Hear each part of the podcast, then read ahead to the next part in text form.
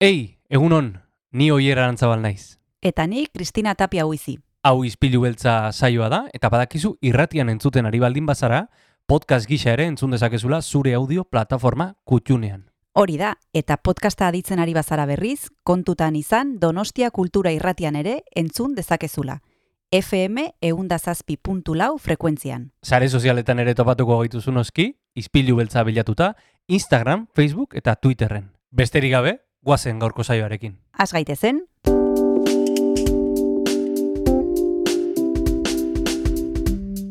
Ispilu beltza. Donostiako kulturaren berri, Oyer Arantzabal eta Kristina Tapia buizirekin. Egun honen zule, osteguna da, otxailak biditu eta indarrez gatoz gaur ona izpilu beltzera Donostia kultura irratira.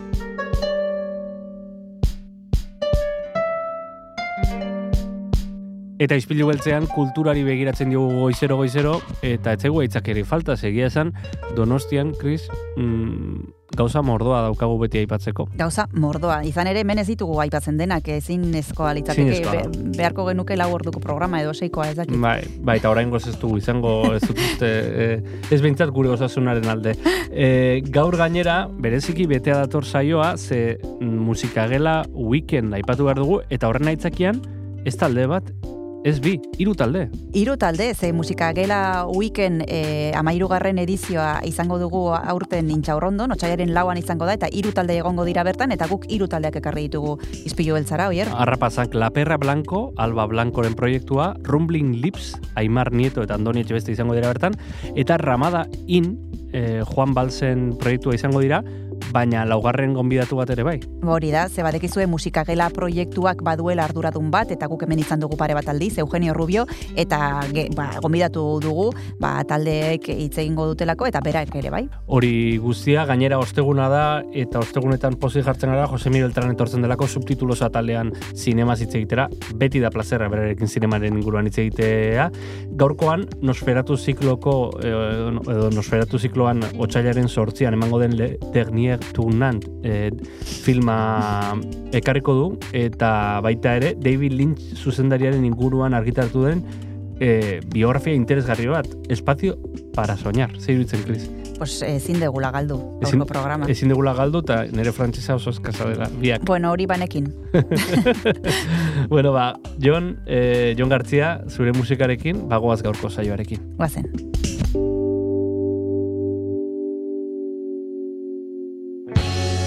Gaurko saioarekin hasi baino lehen entzule, gure gaurko gonbidatuetako baten abestia entzungo dugu, Ramada in oinatiar talde oinatiarraren Partly But Fiercely Gone abestia entzungo dugu.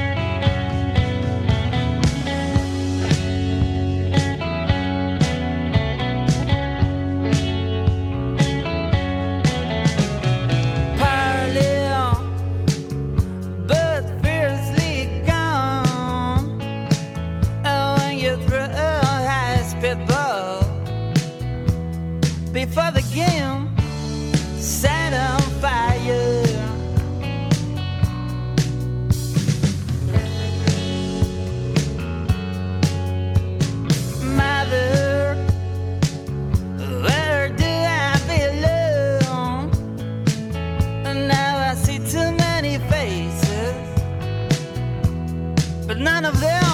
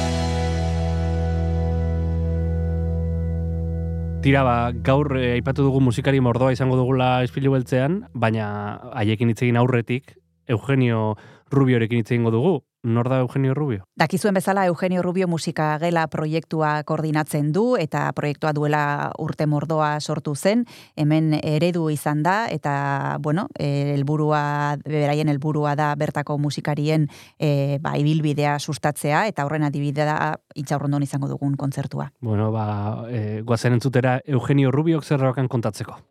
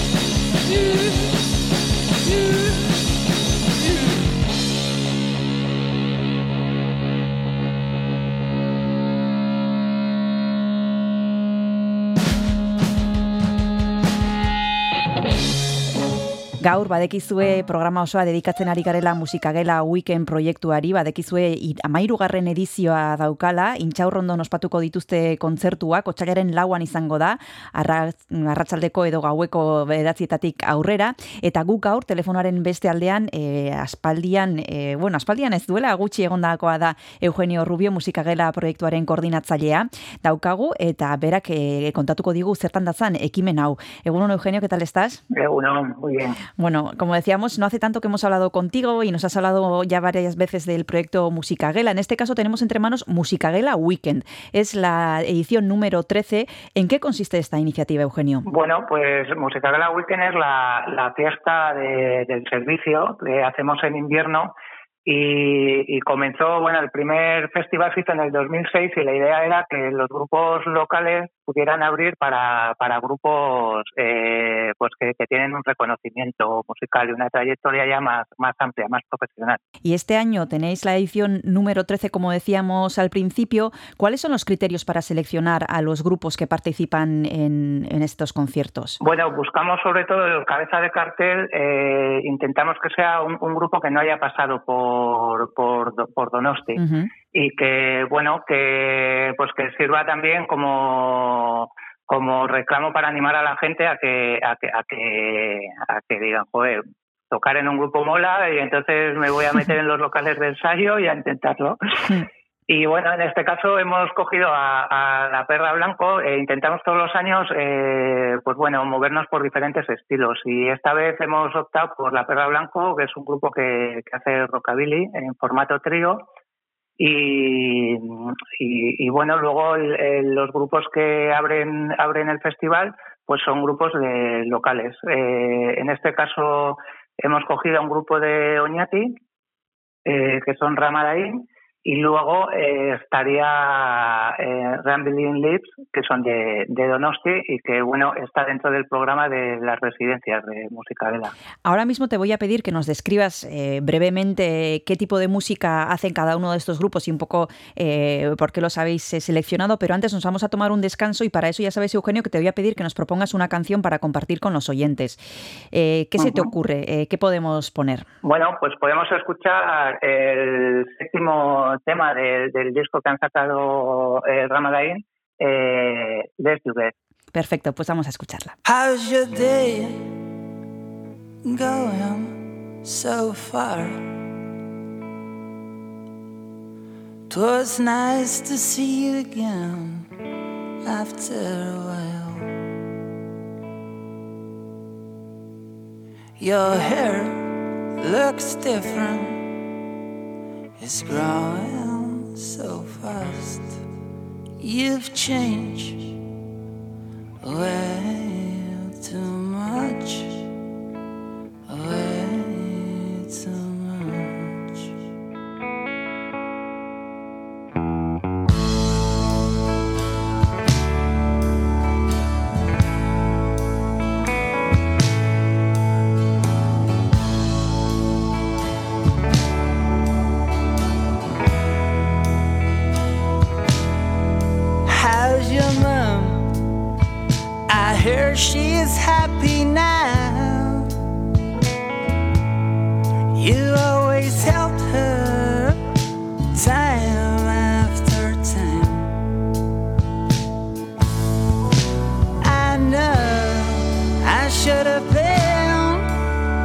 I bet.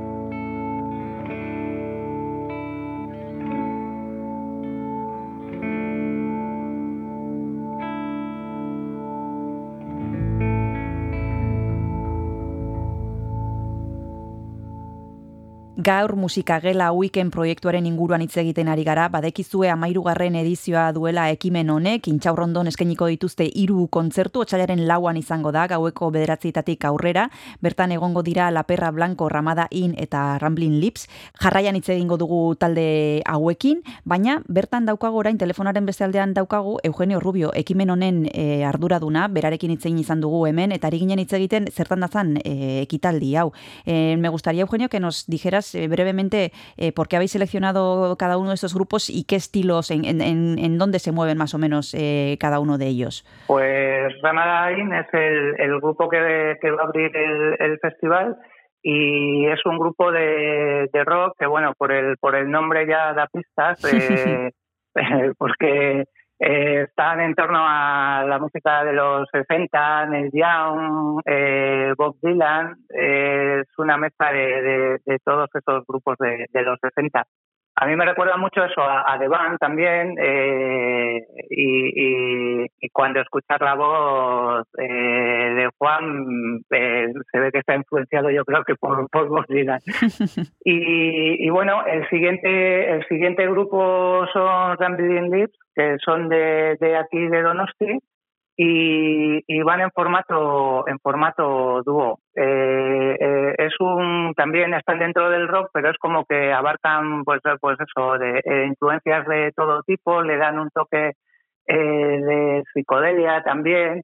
El hecho de, de ser dos y, y, bueno en, en, directo desprenden mucha mucha dinámica, mucha fuerza y es una mezcla de, de todo, digamos. Eh, lo mejor es ir a verlos. lo mejor es ir a verlos porque además, eh, como decíamos, tenemos una propuesta triple, La Perra Blanco, Ramada In y Rambling Lips, que son los tres grupos que actuarán el próximo 4 de febrero a partir de las 9 de la noche en Inchaurrondo. Para terminar, Eugenio, nos gustaría saber, hemos dicho al principio que este proyecto ya cuenta con 13 años, Musicaguela Weekend, ¿cómo ha cambiado en estos más de, más de esta década eh, esta iniciativa? Eh, de cuando empezasteis aquí, ¿Cómo han variado las cosas? Sí, bueno, eh, el servicio ha ido, ha ido creciendo y entonces eh, antes solo teníamos este concierto para, para poder eh, dar cabida a los grupos locales. Eh, a lo largo de los años el servicio va a contar con, cuenta con un servicio, vamos, un circuito de, de conciertos que se hace a lo, a lo largo del año y luego tenemos el, cierre de la temporada con, con Música de la Fest, que es un festival que, se hace al aire libre. Todo lo que llevamos haciendo durante el año, pues eh, se, se, lleva a la calle. Entonces, bueno, al, al, ahora el tener Música de la Fest eh, lo relacionamos a la, a la fiesta de invierno y, y, nos da cabida también no solo a mostrar los grupos que ensayan en música vela, sino también grupos del, del, del entorno de Donostia Aldea como es Ramadarín. Una oportunidad eh, inigualable para conocer eh, grupos que nos van a proponer desde el proyecto Musicaguela. Musicaguela Weekend, como hemos dicho, tiene la edición número 13 y la celebrarán en Inchaurrondo el próximo 4 de febrero a partir de las 9. Milla Esquer, Eugenio Rubio, por haberte acercado a Donostia Cultura y Ratilla. Un abrazo muy grande. Nada, muchas gracias a vosotros. Un abrazo.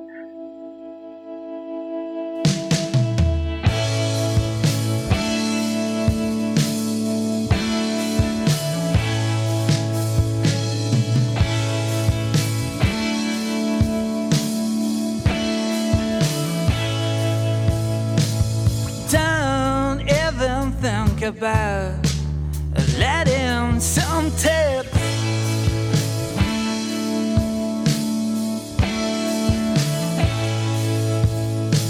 she will kill you if it only crosses your mind kill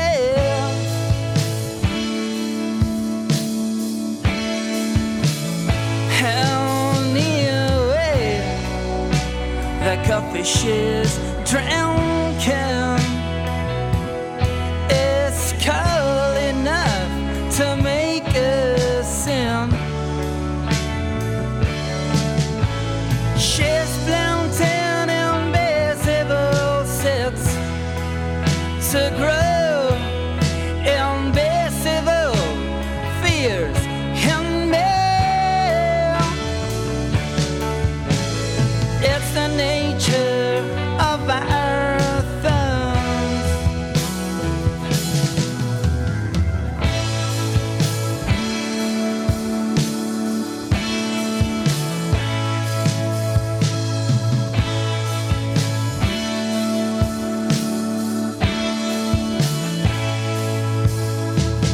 don't even think about counting them.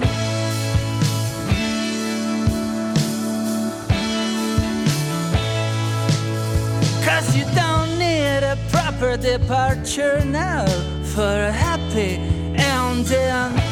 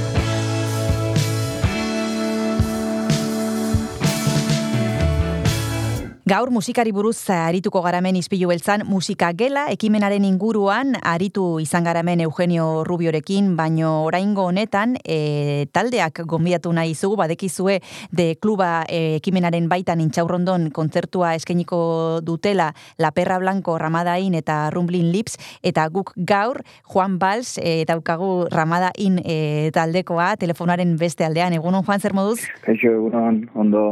Bueno, E, musikagela proiektuari buruz hemen hitz egin dugu Eugenio Rubiorekin e, pare bat aldiz eta izango dugu saio honetan ere bai. E, konta iguzu zuentzat e, ze suposatzen duen proiektu hau eta ze suposatzen duen kontzertu hau, Juan? Bueno, ba, e, Eugenio aldetik jaso den proposamena, e, otzaian joteko mitxaurrondon, da, bueno, gisa esan e, kriston ilusi inoskun. Ni kasualidades aurrek urtean egon itzan, e, bueno, ekimen berdinean ez, Light Detectors eta beste musika talde bat ikusten Mhm. da, eta bueno, e, oso, oso, bueno, oroitzaben politia got egunana, eta, bueno, ba, hor, urte batea guk bertan jotia, ba, ba, bueno, ba, ilusio asko egin bai. Ze prestatu duzue kontzertu ontarako? Iaz egon zineten ere bai, baina ontarako ze, ze repertorio daukazue? Bai, bueno, ia, ia ze... E, bueno, ia egon itzan nik ikusten, eh? Ah, bale, ikusten, bezala barkatu, barkatu, ez eh? Bai, dizut ongi bai, ulertu hori, bai. bai. bai, bai, ikusle bezala. Eta, bueno, ba, kontzertu ontarako ba, ba, bagabit abesti barri batzukin, Mhm. eta, bueno, ba, e, gure diskoko abestixak eskainiku, ba, ja, pf, bueno, diskoak ja 2008 biko otzaian argitaratu ben, justo urtetxo bat ingo dau, eta, bueno, abesti berrixak egongo dira, eta, bueno, abertzen muz, baten den, bai, Mhm. e, gogoz, gogoz. Ba, ongi iruditzen baldin mazaizu, abesti bat eskatu behar dizute, Juan, e, zuen taldeko abesti bat artetxo bat hartzeko, zer jar dezakegu eta entzulekin partekate, partekatu, zer etortzen zaizu burura? Ba, ez da egite, bueno, bat motza igual, ez da eh, ez da egite, ba, cutthroat, eh, bai, cutthroat adibidez. Ederki, bagoazen entzutera.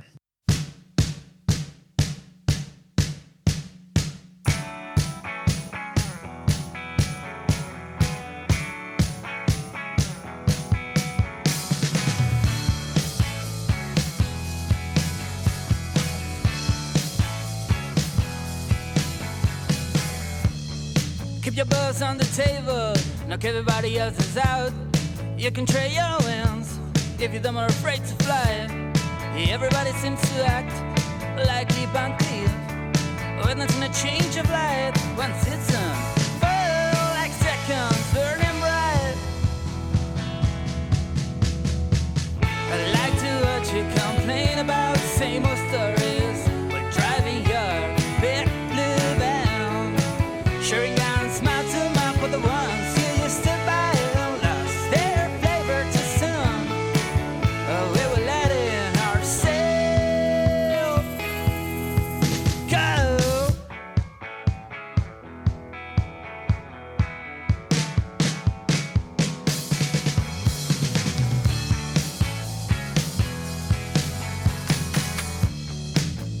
Thinking, but I'll keep it to myself.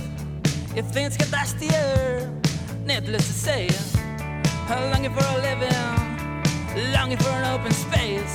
You bet I won't get so far. I know. Should have got my license way back. I like to watch you scare the shit out of every player.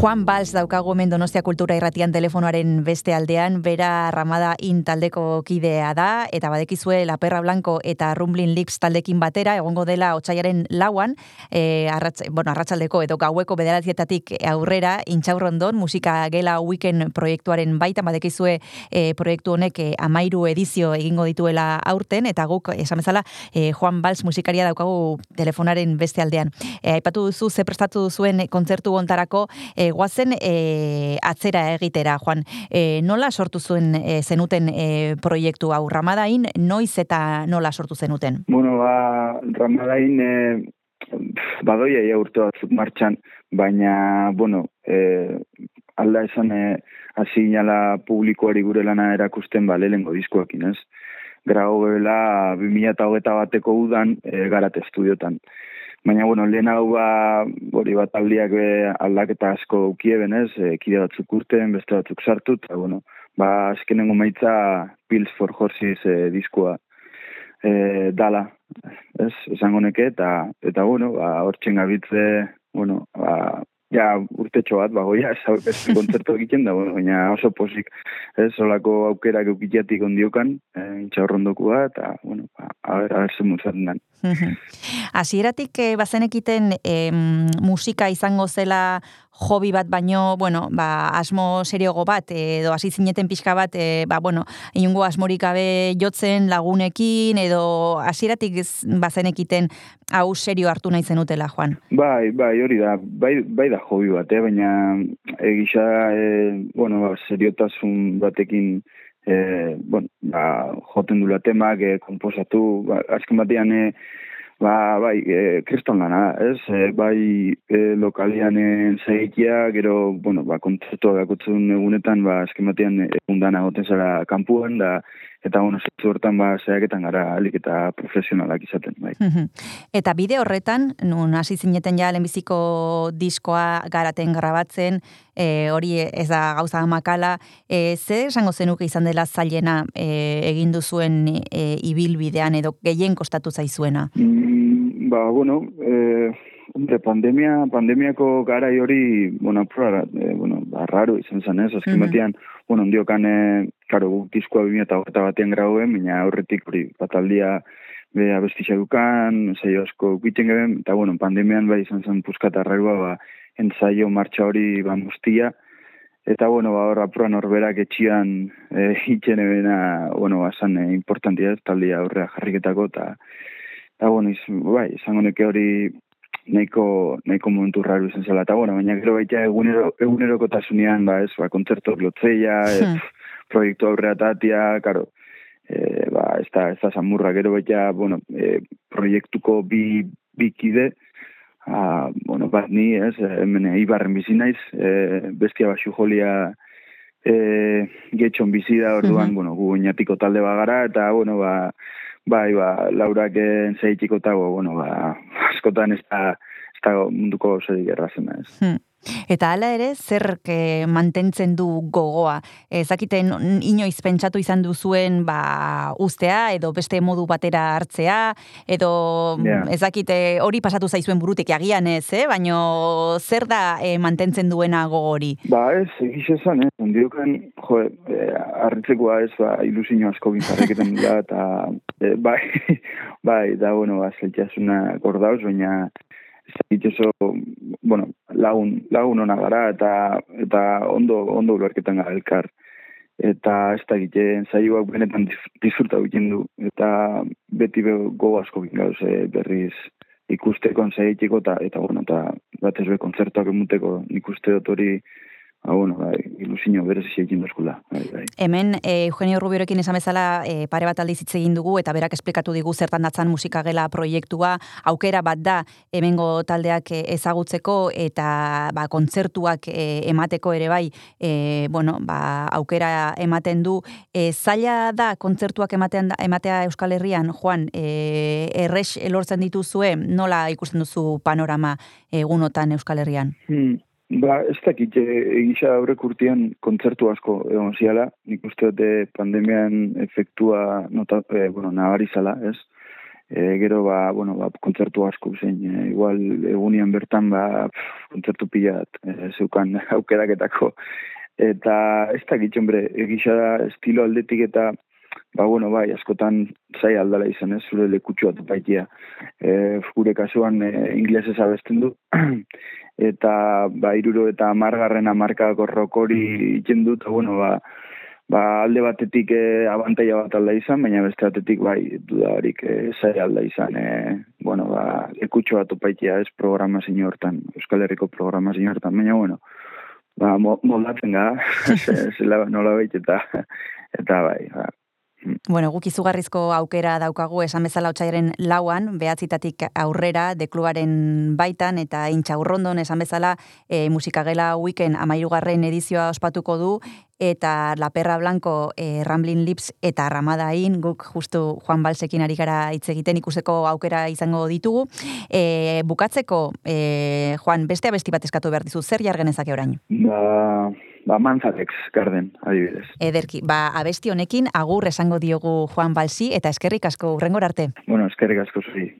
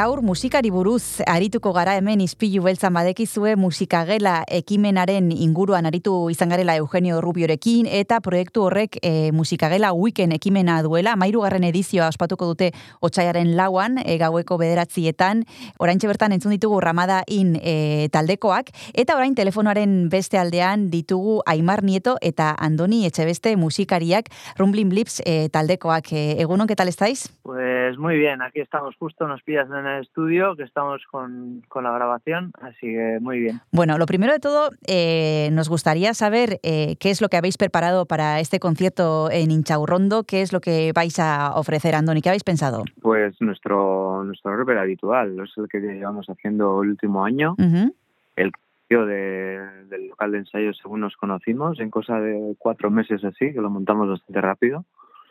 Eh, vamos a ver si estrenamos un tema nuevo que hemos estado haciendo últimamente, que es muy, muy salvaje. y, y, y bueno, esa, esa es la idea. Un poco, sobre todo ahora estamos en eso, en presentarnos y decir hola, estamos aquí y que nos conozca la gente. Que bueno, en Donostia ya hemos tocado un par de veces, pero vamos allá otra vez.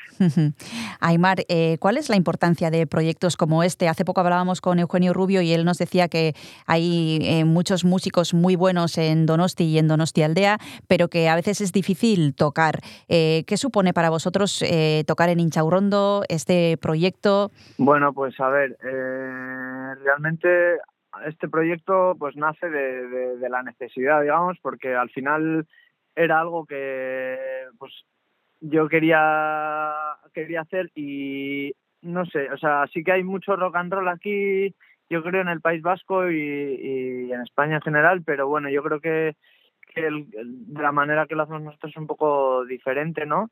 Y, y también no solo por cubrir ese, ese espacio, o sea, al final es la música que, que, que, que nos gusta y que a mí me parecía que, que quería hacer y lo que te digo, sale de necesidad de, de querer escuchar temas pues que igual no, no los he escuchado de otra manera. Y, y, y de ahí nace. Y tocar en Rondo, pues al final, eh, de hecho, nuestro segundo concierto fue también ahí y ahora vamos a tocar y creo que pues va a cerrar un poco también eh, la primera vez digamos que era como nadie nos conocía y esta vez pues yo creo que la gente pues lo va a ver de otra manera también no y es volver a, a Donosti de otra, de otra manera. Aparte también tuvimos el, el concierto de, de Yasaldi que, que fue muy bien que son las veces que hemos tocado en Donosti y, y yo creo pues que ahora habrá otras expectativas también. Mm. Aymar, hablabas eh, de cubrir un espacio, de escuchar música que a vosotros os gustaría escuchar, de hacer algo diferente. Para quien no sepa qué hacéis, ¿cómo describirías vuestro proyecto, vuestra música? ¿Cómo es? Pues es un poco difícil de describir. Nosotros tenemos una broma interna y en vez de decirlo en términos musicales decimos que es eh, thriller dramático, como si fuese una película. Pero no, a ver, realmente hasta al final eh, es que no sé, lo de las etiquetas es muy difícil. Es rock and roll, pero, pero entra en otros muchos géneros, Ya. como suele, ser en la definición que tenemos, entra desde psicodelia, desde punk, desde garaje, no sé, al final. Sí, el tema es cuando la gente nos va escuchando y nos vienen a decir, oye, ya he visto lo que hacéis y tal, es muy tal. Otro te viene y te dice, es muy qué. Entonces, algunos ven el rollo blues, otros ven el rollo garaje, otros ven el rollo rockero, otros ven el rollo psicodélico, porque es un repertorio bastante variado. Entonces, puede, puede encajar en muchas definiciones. Y al final, pues dices, ¿para qué lo voy a definir, no? O igual busco una definición que no sea estrictamente musical, porque igual hasta dices más que, que hablando de estilos musicales. Pero bueno, podría ser cualquiera de todas esas cosas, ¿no? Bueno, pues para Correcto. ver que tenéis un estilo diverso y que nos gustan las etiquetas, yo creo que lo mejor es escucharos. Andoni, ¿qué podemos eh, poner ahora y compartir con los oyentes? ¿Qué te apetece? Una canción vuestra. Pues empezamos, si queréis, con nuestro primer single, que era Is This Love. Sacamos el, el videoclip también, hace ya cosa de un año, año y medio. Y, y, y bueno, fue una canción que salió con toda la intención y con todas las ganas y tenía toda la, toda la energía acumulada. Y es una buena tarjeta de presentación. Perfecto, pues vamos a escucharla.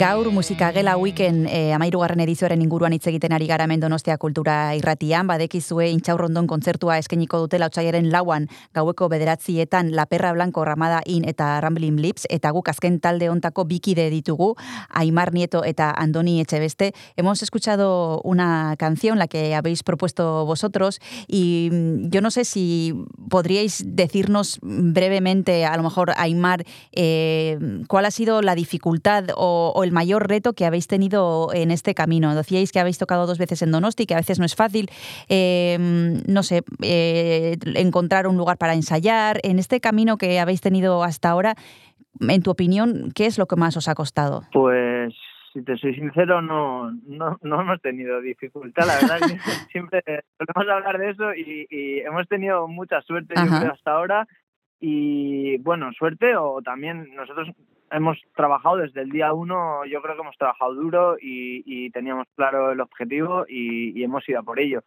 Y yo soy de los que piensan que, las cosas salen trabajando y no, por suerte, ¿no? O sea que al final yo creo que eso, hemos puesto intención, ganas y hemos ido por ello y, las cosas han, han ido saliendo. O sea que estamos muy contentos de donde estamos hasta ahora, o sea, para el tiempo que llevamos.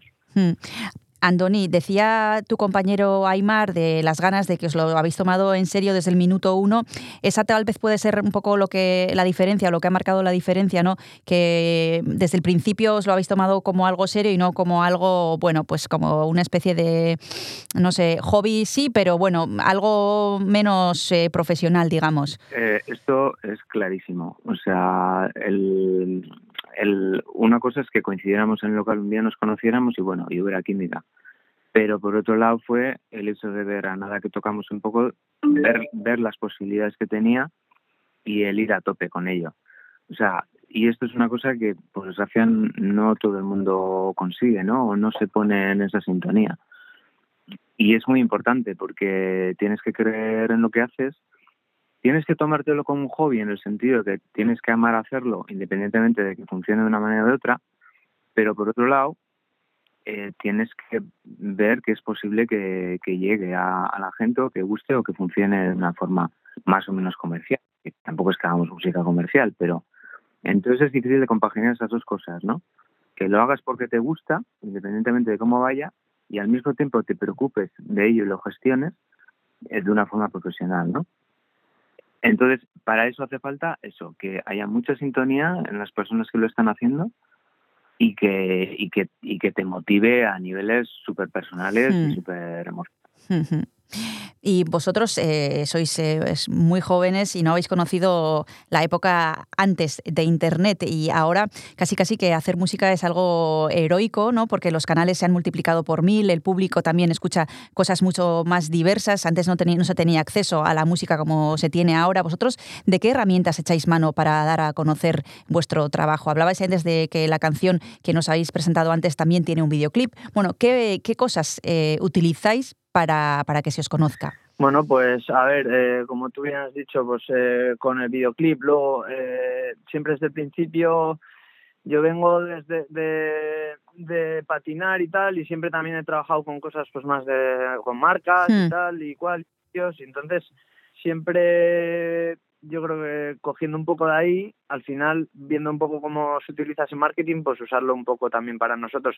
Lo que he intentado desde el principio, básicamente, también hemos intentado que, que, que haya un Instagram, por ejemplo, que es la herramienta básica hoy en día, ¿no? Para darse a conocer un poco así gratuitamente y que vean lo que haces. Eh, pues hacerlo correctamente y con, con una visión clara y, y, y tener una estética que también la teníamos clara desde el principio y, y, lo mismo en, en cuanto a vídeos. Y pues para los vídeos hemos tirado de, de, talento local que conocemos, amigos artistas y, y, y unificar fuerzas y, hacer todo lo posible y que todo luzca lo más profesional posible, desde luego, con los medios. Es importante, es un poco eso lo que él dice, tener un concepto de qué imagen quieres transmitir. Porque a ver, Instagram es fácil, ¿no? Ponerte en una red social es fácil, pero luego tienes que pensar qué contenido subes eh, tener los ojos puestos fuera, ¿no? Y ver qué imagen estás transmitiendo, porque forma parte del proyecto, clarísimamente. Y en redes sociales, claro, las redes sociales también te demandan mucho, Pero si pones algo todos los días, pero a lo mejor no tiene un hilo conductor, pues igual es contraproducente, ¿no? Entonces sí te obliga a tener una idea tú de qué es lo que quieres transmitir porque no transmite solo con la música, también con la imagen. ¿no? Por supuesto, la imagen cada vez tiene más peso, pero bueno, vosotros a lo que os dedicáis principalmente es a la música y como hemos dicho, tenemos oportunidad de escucharos el próximo 4 de febrero en Inchaurrondo. Será a partir de las 9 de la noche en el marco de Música Gela Weekend, la edición número 13, como hemos dicho al principio. También estarán encima del escenario La Perra Blanco y Ramada In. Acabamos de hablar con Juan Valls ahora mismo. Para terminar, pareja Aymar y Andoni, os voy a pedir una segunda canción. Aymar, te toca a ti. ¿Qué podemos escuchar? Pues bueno, ahora para dejarlo eh, más animado el asunto, eh, podemos escuchar Let's Dance. Perfecto, pues con esta canción nos despedimos de Aymar Nieto y Andoni Echeveste, miembros del grupo Rumbin Lips. Muchísimas gracias, Milla Esker, besarka te arte. Gracias. Gracias, un abrazo. Un abrazo.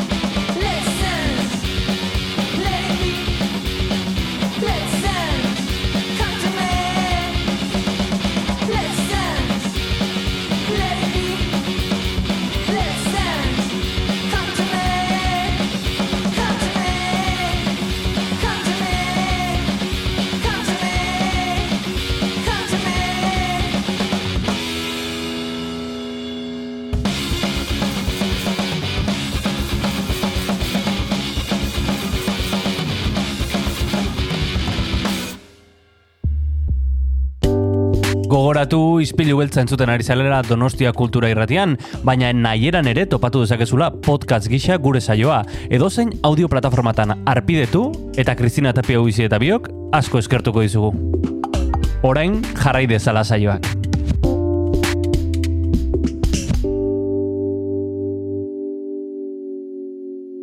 Gaur esan bezala musika gela weekend proiektuari buruz ari gara hemen hitz egiten Donostia Kultura Irratian, aipatu ditugu taldeak, hemen izan ditugu bertan e, proiektu hontan parte hartuko duten e, taldeak eta falta zaigu La Perra Blancoko kide den Alba Blanco aurkeztea, teleforaren beste aldean dago, etorriko baita intxaurrondora otsaiaren lauan, esan dugu, kontzertua berazietan hasiko dela. Egunon Alba, ¿qué tal estás? Muy bien, aquí estamos con ganas de, de tirar para allá el fin de. Bueno, eh, aquí hemos tenido a- y vamos a tener y estamos teniendo a todos los a todas las personas que vais a formar parte de este proyecto que se llama Musicagela Weekend, que tiene la edición número 13 este año. Tú en, en concreto eh, lideras el proyecto La Perra Blanco y lo primero de todo nos gustaría saber, Alba, ¿qué has preparado para este concierto? Bueno, pues tampoco, bueno, preparar un poco lo que tenemos siempre, ¿no? Pues bastante energía para derrochar y, y bueno, como yo lo llamo música de viejo, mucho mucho rock and roll. ¿Por qué ya dices música de viejos, Alba? Bueno, porque es una música, lo que nosotros tocamos música americana de los años 50 y es un género que a día de hoy pues es como algo un poco de viejo, ¿no? La gente de mi edad eh, no, no suele escuchar esta música, ¿no? Entonces yo por eso hago un poco el chiste ese porque un poco raro, ¿no? Que alguien de mi edad toque, toque esa música. Sí, eh, hemos hablado hace poquito con Eugenio Rubio, que es el organizador eh, de este concierto, y nos decía que este año justo la música que han escogido pues es un poco un rock más clásico y tú misma decías que es música de viejo. ¿Por qué crees que ocurre esto? ¿Por qué crees que a los jóvenes de ahora no les gusta tanto este estilo y se decantan por otros? Bueno, yo, no- yo no pienso que, que no le guste, yo pienso que como este- esta música no tiene tanta visibilidad, eh, no se apuesta tanto por este tipo de música como se apuesta por otras, entonces pues claro, si tú no investigas es que directamente no, no llegas ni a conocer lo que, lo que es este estilo, ¿no? Pero yo tengo claro que nosotros tenemos bastantes seguidores jóvenes que vienen a los conciertos y se lo pasan súper bien. Entonces, una vez que tienen el contacto de esto, ya saben que les gusta, pero lo que te digo, como no se apuesta por ese tipo de música, pues la gente tiene, tiene mucho desconocimiento ¿no? en, en lo que es este estilo. Hmm. ¿Y cómo te acercaste tú?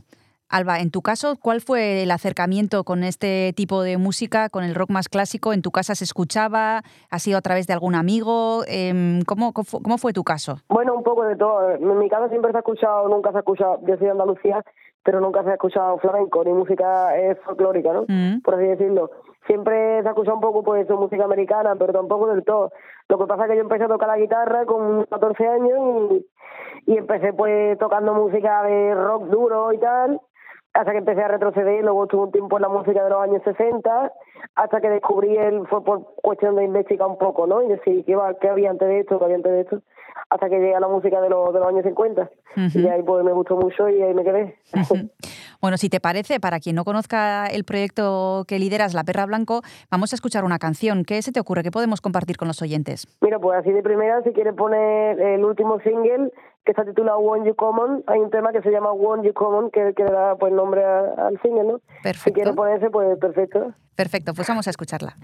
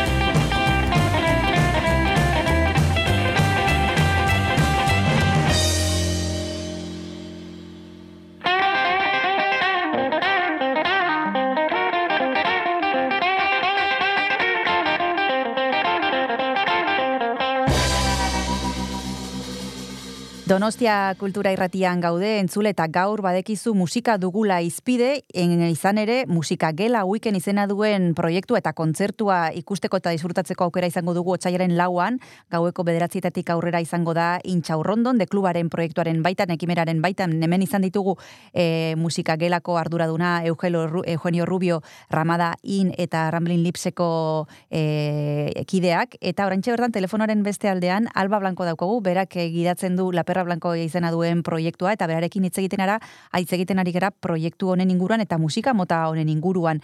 Alba, ¿te ha resultado difícil eh, armar un proyecto eh, cuya columna vertebral es un tipo de música pues que ahora mismo no es la que se escucha en las radios, ni en las teles, ni en ningún lado? No sé si eso tiene una dificultad extra eh, a la hora de, bueno, a la hora de conseguir bolos, a la hora de, de, de funcionar. Bueno, un grupo ya tiene muchos problemas eh, independientemente del tipo de música que haga hoy en día. Pero en tu caso, ¿hay algún extra? Bueno, la verdad que nosotros, en mi caso en, concreto, hemos tenido bastante suerte por el hecho de que a la gente le gusta mucho lo que hacemos. Entonces no nos han catalogado como una banda de rock and roll de los años 50, sino que mm, si ve algún concierto nuestro viene gente pues que le gusta todo tipo de música. Yo creo que un poco ya da igual un poco el género que toquemos, ¿no? sino más bien la energía que, que transmitimos que la gente le, no sé, le atrae mucho y le gusta mucho. Entonces, la verdad que contamos con mucha facilidad a la hora de tocar porque mm, la verdad que tenemos muchísima demanda. También entiendo que pues por el rollo también de que yo soy una mujer, ¿no? Porque realmente hay muy pocas mujeres en la música, muy poca presencia femenina. Y mujeres guitarristas, solistas, o como yo me denomino, la jefa, ¿no? Que, que llevo mi proyecto, realmente hay muy pocas. Yo creo que eso también es un atractivo bastante grande a la hora de, pues para el público, ¿no? Entonces, la verdad que tenemos bastante suerte en esos aspectos. ¿Y hay algún lugar, Alba, que tenga este tipo de música más éxito del que tiene aquí? Bueno, eh, este tipo de música tiene un pequeño circuito, ¿no? Que realmente se ha ascendido por todo el mundo. Es un circuito pequeño, pero está realmente nosotros, por ejemplo, hemos tocado bastante en Inglaterra.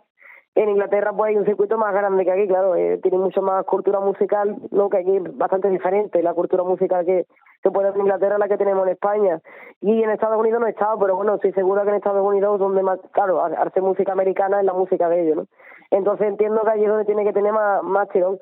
Pero como, como te digo, la verdad que que pase una minoría como, como somos, ¿no? Porque la, la radio, la televisión te vende un estilo de música que no tiene nada que ver con esto, pero bueno, está aguantando más o menos como está aguantando bien para, para lo que estamos peleando aquí pues más o menos aguantando, la verdad.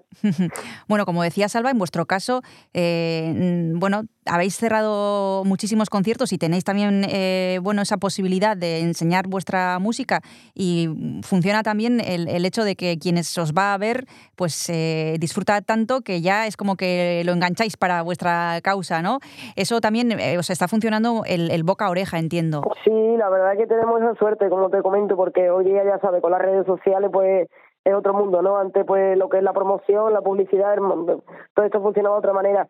Pero nosotros contamos con que eso, la gente, nosotros en los, en los conciertos, pues la gente viene porque sabe que se lo va a pasar estupendamente, ¿no? Y yo creo que lo que es el boca a boca, lo que tú estás comentando, yo creo que funciona muy bien, porque además siempre viene alguien que ha venido con tres colegas que lo ha arrastrado, que no sabían a lo que iban, ¿no? Y hostia, tenía que venir el concierto de la perra. Y luego acaba el bolo y viene ahí diciendo, hostia, me han traído a ciega y me lo he pasado súper bien, me ha encantado, tal. y eso es la, verdad que es bastante recurrente en nuestros conciertos. Bueno, pues como hemos dicho, La Perra Blanco va a actuar en el próximo 4 de febrero en Inchaurrondo, junto con Ramada In y Rumbling Lips, que les hemos tenido aquí también en el programa. Eh, una música que, como dice Alba, y no es porque lo diga ella, eh, quien vaya a verla y quien vaya a escucharla le va a enganchar. O sea que yo creo que es una oportunidad única para disfrutar del rock and roll y para disfrutar en concreto de La Perra Blanco. Muchísimas gracias, Alba, por haberte acercado a nuestro programa. Un abrazo y hasta la próxima. Muchas gracias, un abrazo. Adiós. Venga, hasta luego. Thank you.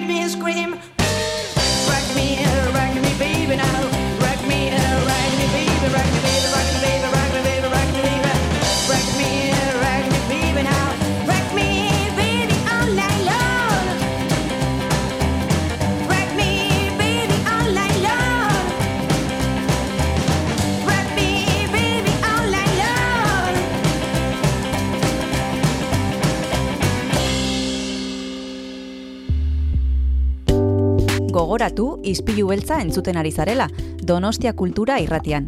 Baina nahieran ere topatu dezakezula podcast gisa gure saioa. Edozein audio plataformatan arpidetu eta oieraran zabal eta biok asko eskertuko dizugu. Orain jarrai dezala saioak. Bagatoz gure zinemaren errepublika txiki ontara, ostegunero izaten duguna, izpilu beltzean, e, jarraitzen balin baduzu saioa dagoeneko badakizu zertaz ari naizen, eta ez balin baduzu jarraitzen, ba, herri eta txiki bat egingo dizut, eta gomendatuko dizut, goizero goizero jarraitzea, ze halako kontu eta komeri interesgarri asko izaten dugu. Tartean esan bezala, zinema zaritzen gara, Josemi Beltranekin hemen, izpilu beltzean, subtitulo zatalean.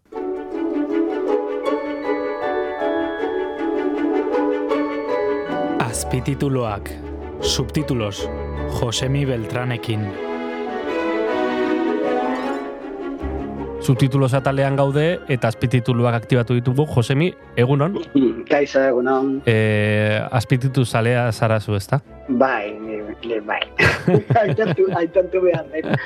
Piskat, mania, manina, mania diola baita ere eh, bikoizketari. Eh? Ah, bai. Ja, piskat ez not bihurtu naiz horrekin, bai, bai, bai. Zaiatzen naiz bikoiztutako filmak ez ikusten, eh, edozein, edozein izkuntzan, eh? Naiz, eta ez dakit, Koreako duela gutxi egon naiz be, ikusten telesail bat eh, eta bikoiztuta zegoen, baina baina bikoizketa latinoa edo zen, bueno, zen Koreako telesail bat eta eta zegoen ba hemengo gaztelaniazko bikoizketa eta bueno, ba, ba, ba, oso, oso argargo, argargoa eta itxusia zen entzutea Koreako jendea bikoizketa latino, Eh. latino internazional horrekin. E, egia da, egia da behin oi- ohitzen zarenean atzera egitea ezinezkoa dela, ezta? E, e, gauza bada marrazki zidunetan, ez? Akaso ja, bueno, beste lenguaje bada, ez? Baina aktoreak ohitzen bali mazara beraien jatorrizkoan entzuten gero nahiko arrotza egiten da.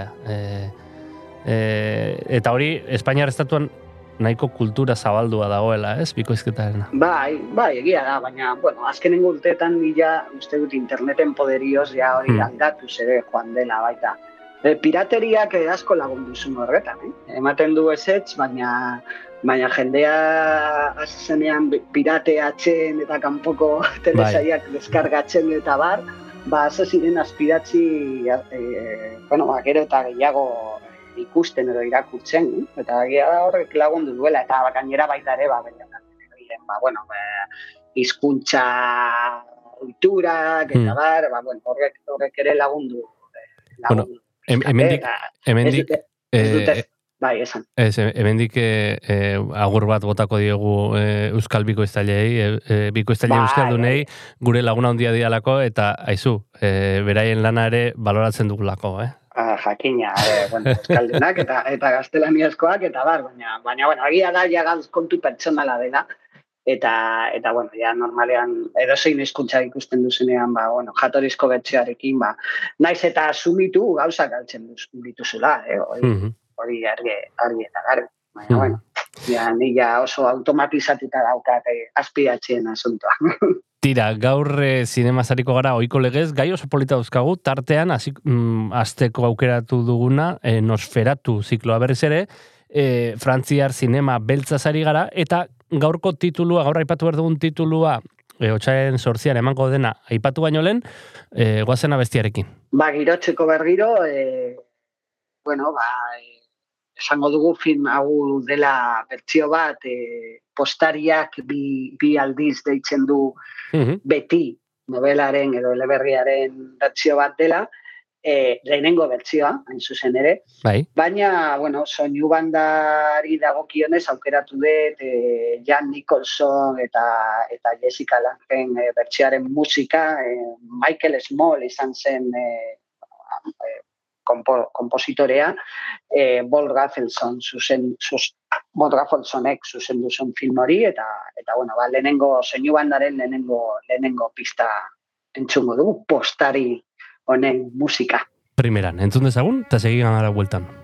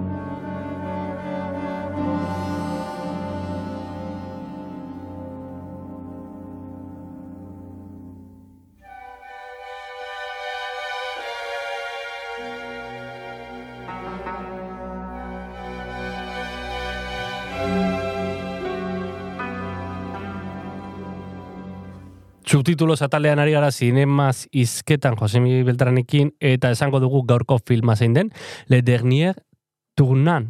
Ez dakit ondo esan dudan, Josemi, e, aprobatu. Bai, bai, Le Dernier Tournan. Horrelako zehaz. Horrelako zehaz, eh?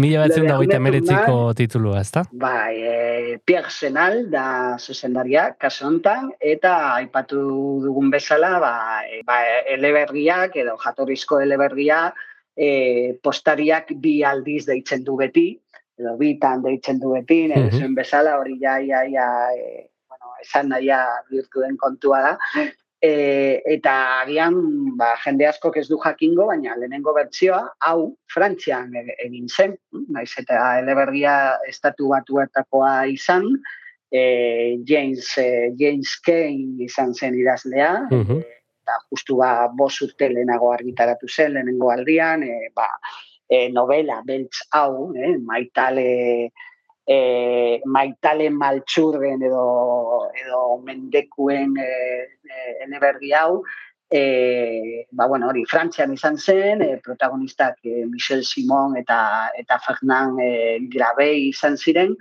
baina gero jarraian, ba, asko ezagutuko ditugu, ba, hori, larogeitako, larogei amarkadan, ba, Jan Nicholson eta Jessica Langerekin bersioa, edo e, pizkata urrerago, edo lehenago, e, mila edatzireun berrogeita zeian, Lana Turner eta eta John Garfield ba, protagonistak izan ziren beste bertsio ospetsu batean, eta bi kasu horietan e, estatu batuetakoak. Eh? Ze, ba, e, eta bueno, ba, e, historia oso oso ezaguna da, ba, kaleko gizon bat, e, e, ailegatzen da e, gasolindegi batera, bai, gasolindegi batera, eta bueno, han lotzen du lan bat, eta maite mundota gelditzen da, ba, e, jabearen e, emaztearekin. Hm? Eta bien artean, maitalen artean, ba, e, bueno, ba, pentsatuko dute nola, nola hil, e, ba, hori, eta, eta bueno, segertatuko den horren arira, eh? pizkate, ba, maitale hiltzaien arketipoa, eta baitare mm, kasu askotan e, berriro e, emakume maltsurra edo fain fatal e, arketipo hori ere zegoen e, eleberri eleberri horretan. Mm? E, agian bertsi hau, frantziako bertsi hau, e, ba, bueno, bitxia izango da, eh? deskubritzeko nola, nola frantzian irudikatu zuten e, bastatu batuatako giro hori, eta hau berez dago, ba, mm, aurreko kapituluetan edo taletan komentatu dugun dugunarekin dauka harremana, eh? nola e, Frantziako sinema beltxaren jatorri bat izan zen estatu batuetako e, ba, eleberriak, eta nola gero hori bueltatu zen estatu batuetara, eh? eta bere eragina izan zuen estatu batuetako sinema. Le dernier tunan, eh, ba, otxailaren sortzian, emango da tabakaleran, arrazaleko zazpiretan, oiko legez, eta sarreak lau euro balio du, Mm, Donostia Kultura puntu duzen e, eskuratu dezakezu oso modu errazean, eta baita eta kalera puntu duzen ere. Josemi, e, ona gure gomendia, baina orain mm, txiri buelta emango dugu, eta beste gai bati helduko diogu, agian gai aurkezteko ze abesti entzungo dugun, e, azalduko diguzu? Bueno, ba, antzekoa, agian, ez hain beste txiri buelta, ez pentsa, eh? Zeren gure, protagonistak badauka, badauka, bere lotura, eh, sinema beltza eta eta misterioarekin. Badauka, bai. Eh, bai, baita estetika bati badauka. oso lotua gainera. Bai, orduan, e, bueno, ba, adibidez aukeratzen badugu e, Twin Peaks telesaiaren ba, sintonia, hm? angelo badalamentik e, sortutateokoa, ba, ba, ba, jendea jakingo du zeri buruz hitz egiten gari gara. Guazen.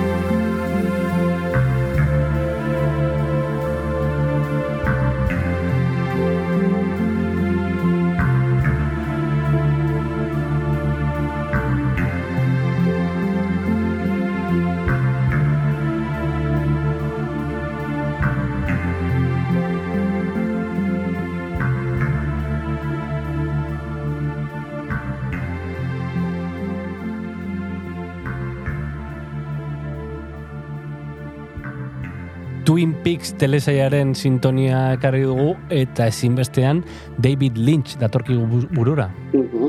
Bai, gainera, eh, Angelo Badalamenti eh, musikaria izen orain abenduan. eh? Mhm. La, eh, duela gutxi, la gutxi, eta ba, David Lynchen eh, eh, ba, kolaboratzaile garrantzitsuenetariko bat.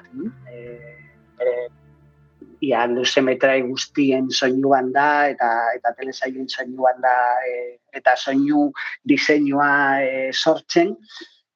Eta, bueno, gaur David Lynchi buruz hitz egin nahi nun, zeren duela gutxi, ba, irakurri eta argitaratu den eh, ba, liburu biografia oso ona, eh, Espazio para soñar du izena, gaztelaniaz argitaratu da. Eh, eta, bueno, oso liburu eh, bueno, gomendagarria da, eta oso atsegina eta entretenigarria irakurtzeko.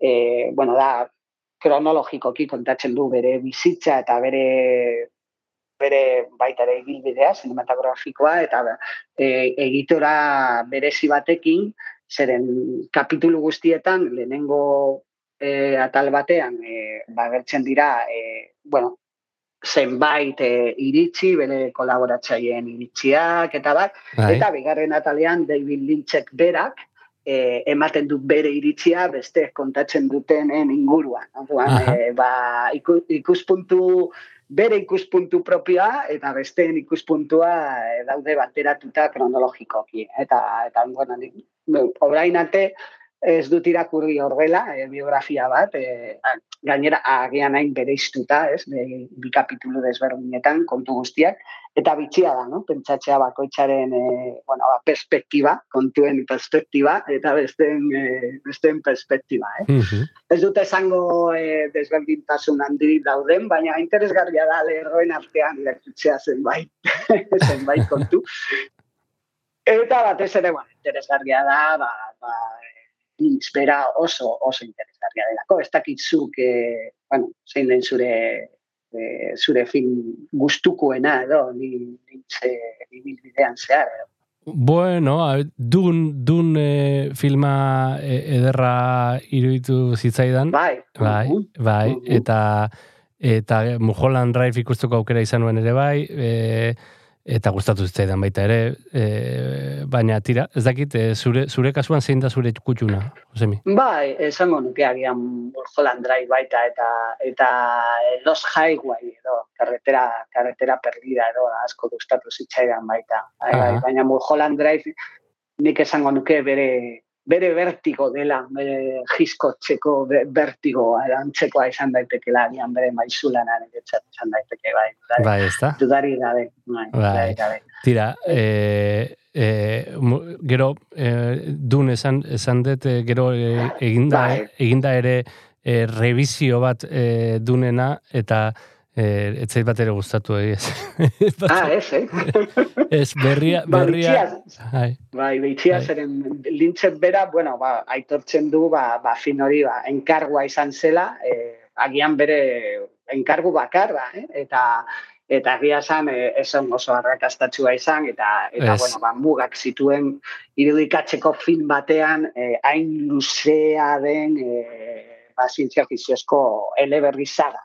Edo, Bai, eh? Horregatik orain egin, egingo dute bi edo hiru film kontatzeko gauza bera. Niri gustatu zitzaidan, bilene beran. Ja, Mm, eh, ni, ni, nahiko, nahiko arrastaka ibili nintzen e, e, Mhm. ar, arrakizen galduta, pixkat, bai. Ai, basa, basen moltuan, bai, bai.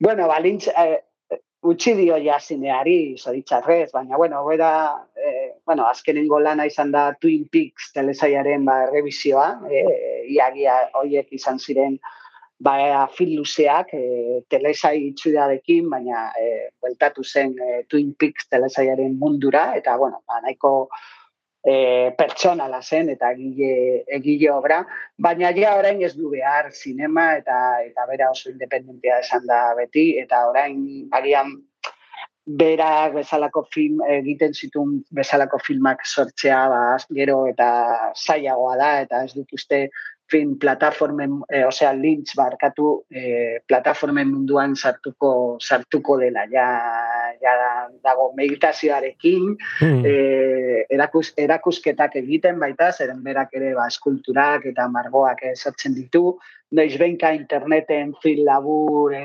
surrealista bat edo argitaratzen du, eta, eta bueno, nik uste dut, ja, ja, ja, obra, obra guztia eta garrantzitsuena gozatu dugu, baina egongo da, egongo da beti gozatzeko. Eta sinema beltza aipatu dugunez, eh, bai, Twin Peaks edo Blue Velvet, eh, mm Blue Velvet baita dauta harremana sinema beltzarekin, eta detektiben historie, eh, eh, historiekin, ez da, eta, eta da baita ere, bakultur eh, iturri garrantzitsua da. Eh, misterioa dagoenean, eh, bueno, egon daiteke baita eh, surrealismo eta eta David Lynchen eh, mundu ilun horiek. Esan berrizun, eh, komendatu dugu, Espazio para soñar, eh, David Lynchen bai. biografia berezi hori, eta mendik gomendioa lozatuko diogu entzulari, ba, bere liburu den da kutxunera gerturatzea, eta eta tira, bertan eskuratzea, mm, mundu bat ezagutzeko, ez? David Lynchen mundua. Bai, gainera itxaki polita da revisatzeko filmak, eh? E, zaude kronologikoki irakurtzen, eta azten zara mm ba hori cabeza borradoraekin, el hombre elefante, eh, Blue Velvet, que, bueno, ba, eta beti plazerra da, ez da oso ibilbide oso oso luzea eta eta itxakia polita da eh, deskubritziko berriro eh, agian begi berriekin. Duari gabe. Eta agian, bueno, ja, bai, bai, begi berriekin deskubritzeko film hauek, edo lehenengo aldiz, agian bueno, e, bidaia, bidaia polita planteatzen da horrez, e, urte askotako bidaia, e, David Lynch ezagutzeko, eta esan bezala, ba, guk emendik e, gomendioa luzatzen zugu, mm, bai liburuak e, liburua eskuratzera, eta bai ba, aldez, alduzun neurrian ba, bere pelikulak e, berri ikustera. Eta beti esaten duguna, Josemi, zinemara joatera ere bai, eh? Hori ere, e, beti gure, gure preskripzioa izango da. Hori da, beti, zirazki ea, aukeraren bat izaten dugu, beti badago aukeraren bat urtean, behin edo bitan, e, pantaia handian bereskuratzeko, ba, duela gutxi bere berreskuratu zen ziklo batean, e, pantaia handian e, berreskuratu ziren filme, David uh filmak, eta naiz benka agertzen dira gure festivaletan, edo gure, gure plataforma, gure pantaia kulturaletan. Bai. Pandemian bertan eh, egin, egin ziren retrospektiba asko, ez? Eta polita bai. izan zen eh, berriz pantaia hundian ikustea gara hartako filmak. Bai, bai. Dudari gabe. Tira, ba, Josemi, bezarka bat, eta gurtuko zaitugu, datorren ostegunera arte, e, bueno, orduan izango dugu aukera beste film batzuen eta beste kontu batzuen inguruan hitz egiteko. Ba, bai, horrela izango da. Mi esker zuei. Bezarka da bat, agor, agor.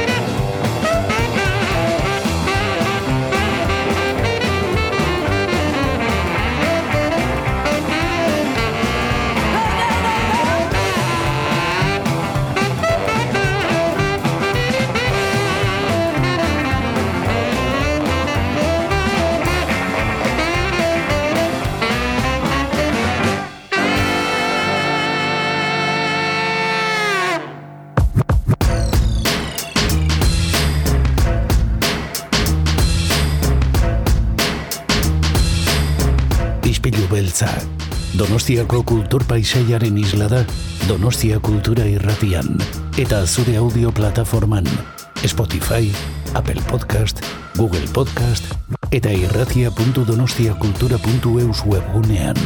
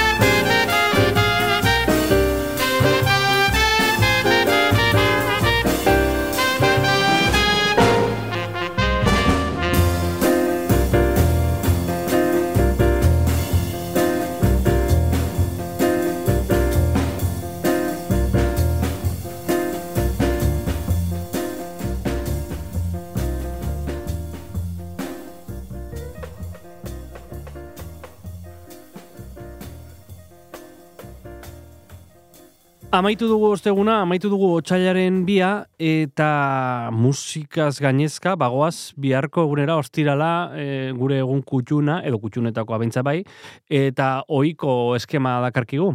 Bai, hitz egingo dugu liburu eta hitz egingo dugu Isabel Besga etorriko da Izpilu Beltzara, berak aukeratu duen liburuak izena du Piel de Deriva, Paula Fariasek idatzi ditakoa, eta gainera hitz egingo dugu zinemari buruz Pablo Malo zuzendariarekin badekizuela arrotxenen hainbat ikastaro eskaintzen dituztela ba, audiogintzaren inguruan, eta bihar Pablo Malo etorriko da. Luxuzko gombidatuak Izpilu Beltzean nola ez, eta luxuzko programa donostian ezin gara kexatu, gogoratu Izpilu Beltzako goizero goizero entzun dezakezula zure audio plataforman edo Donostia Kultura Irratian kasaresetik zuzenean e, uinak harrapatzen baititu FM lau frekuentzian.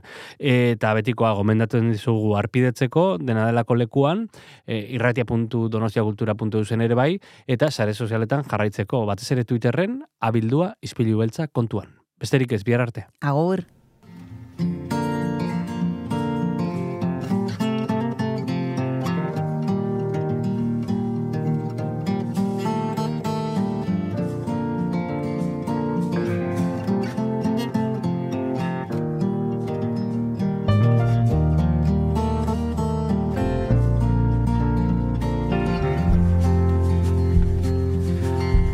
This is how I tell it. Oh, but it's long. One Sunday morning.